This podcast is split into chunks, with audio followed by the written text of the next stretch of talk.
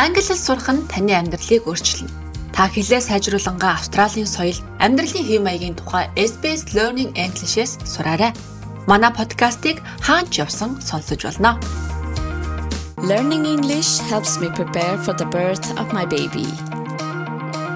Hi, welcome to the SBS Learn English podcast, where we help Australians to speak, understand, and connect.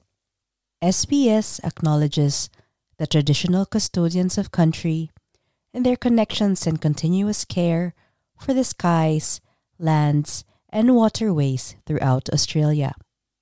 My name is Nikki, and like you, I'm always excited to learn new English words and phrases to help me make my way around Australia as a resident, worker, wife, and mum. And speaking of being a mum, what a journey it has been. And that journey began with my pregnancy and all the new English words and phrases I had to learn to talk about it to health professionals and even my friends. So if you're expecting, meaning you are pregnant, or if you have anyone in your life preparing for the birth of a baby, you might get into a conversation just like this one between sisters Grace and Stella. Grace tells her sister Stella that she is pregnant. I've got some really exciting news to share with you. We're expecting. Oh, wow! Congratulations! How far along are you? When's your due date? Stella asks Grace how far along she is in her pregnancy and when her due date is. These are two very common questions people ask when they find out that someone is pregnant. To ask someone how far along are you usually means how many weeks or months pregnant are you? When someone asks these two questions, a pregnant woman can reply, I'm in my second trimester, so finally the morning sickness has eased off. I'm due in July. A pregnancy is divided into three trimesters. The first trimester is the first three months, and a time when morning sickness, or nausea and vomiting, is particularly bad.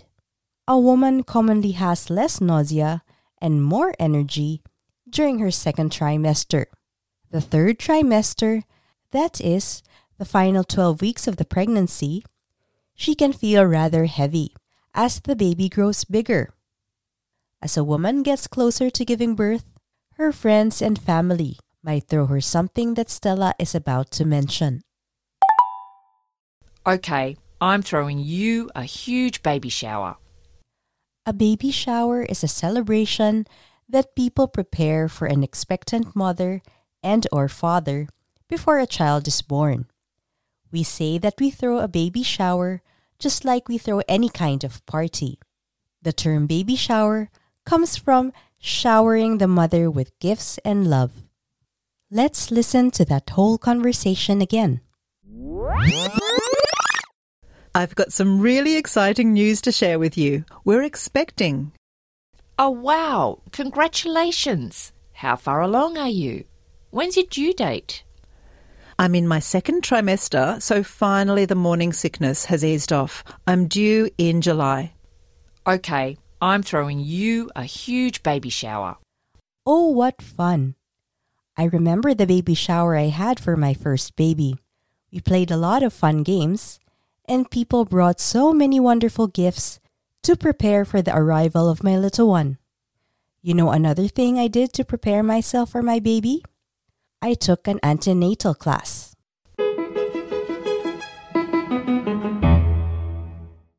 An antenatal class is a class that a pregnant woman, and often her partner, can attend to prepare for the birth of a child and parenthood. You'll learn practical lessons on a whole range of things that is important to know, such as breastfeeding, swaddling or wrapping a baby with a blanket, and changing nappies. Let's listen in on another conversation between two moms attending an antenatal class. It's so exciting to finally take part in this antenatal class, isn't it? I know. We're so lucky we're part of the catchment area for this hospital. The term catchment area is something that you'll hear a lot in Australia, whether or not you are going to have a baby. If you live in a catchment area for a school or a hospital, it means that you're allowed to use the services of that school or hospital. The catchment area for a hospital can also be called a health service area. It is made of suburbs that a particular hospital or health institute serves.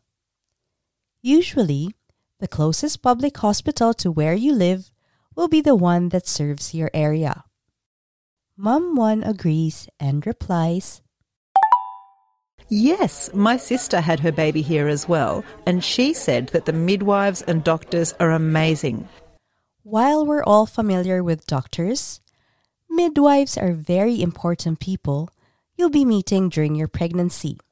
A midwife is a health professional who is trained to support and care for women during their pregnancy, labor, and the birth of their babies.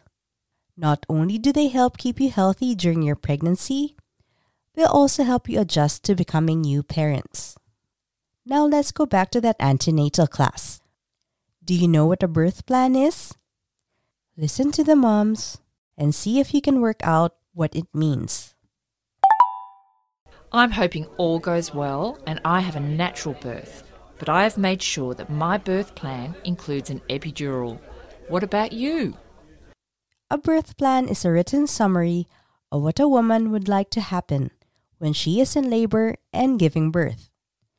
When labor and childbirth go as they should, women can choose how they want to deliver. Natural childbirth is a vaginal birth. For some women, this means that no pain medications, such as laughing gas or epidural, are used.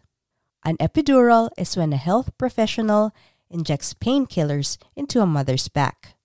For others, a natural birth can include pain medications.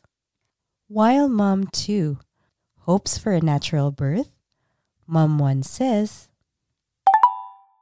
Uh, I'm scheduled for an elective Caesar because I'm having twins.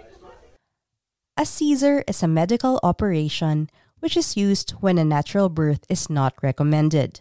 It is also known as a cesarean section or C section and can either be done as an emergency when it wasn't planned but looks like the best option for a mother or baby at some point during childbirth, or an elective Caesar, which is decided in advance and therefore scheduled. When a woman is expecting twins, for example, a doctor might recommend having an elective Caesar as the birthing of twins might be more complicated. Let's listen to that whole conversation again. It's so exciting to finally take part in this antenatal class, isn't it? I know. We're so lucky we're part of the catchment area for this hospital. Yes, my sister had her baby here as well, and she said that the midwives and doctors are amazing. I'm hoping all goes well and I have a natural birth, but I have made sure that my birth plan includes an epidural. What about you? Uh, I'm scheduled for an elective Caesar because I'm having twins.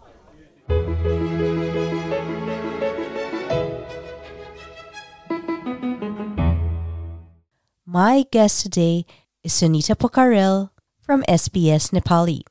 Hi, Sunita. Thanks for joining the show. My pleasure, Nikki.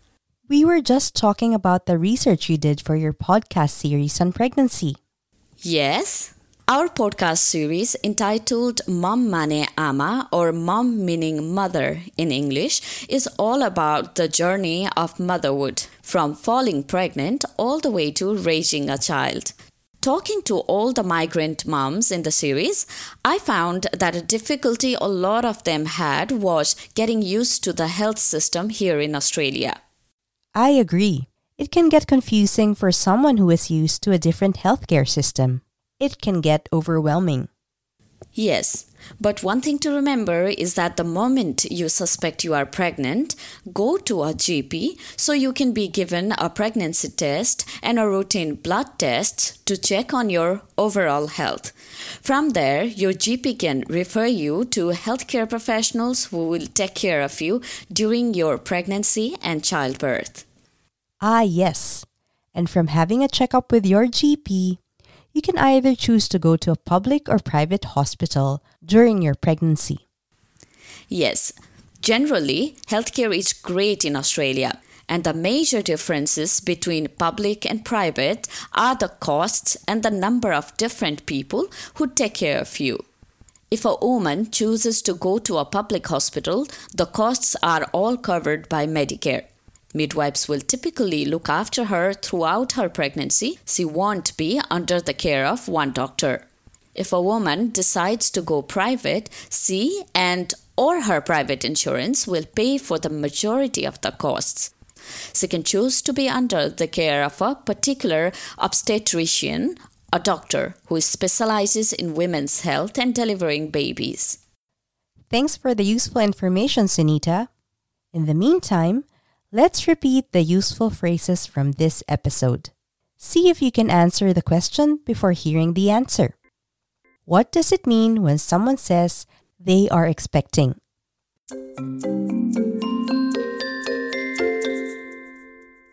It means they are pregnant.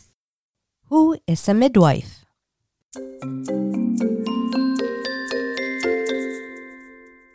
A midwife is a health professional who cares for expectant mothers and newborns around childbirth.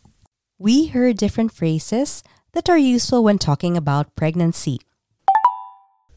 We're expecting. How far along are you? When's your due date? I'm in my third trimester. The morning sickness has eased off. I'm throwing you a baby shower.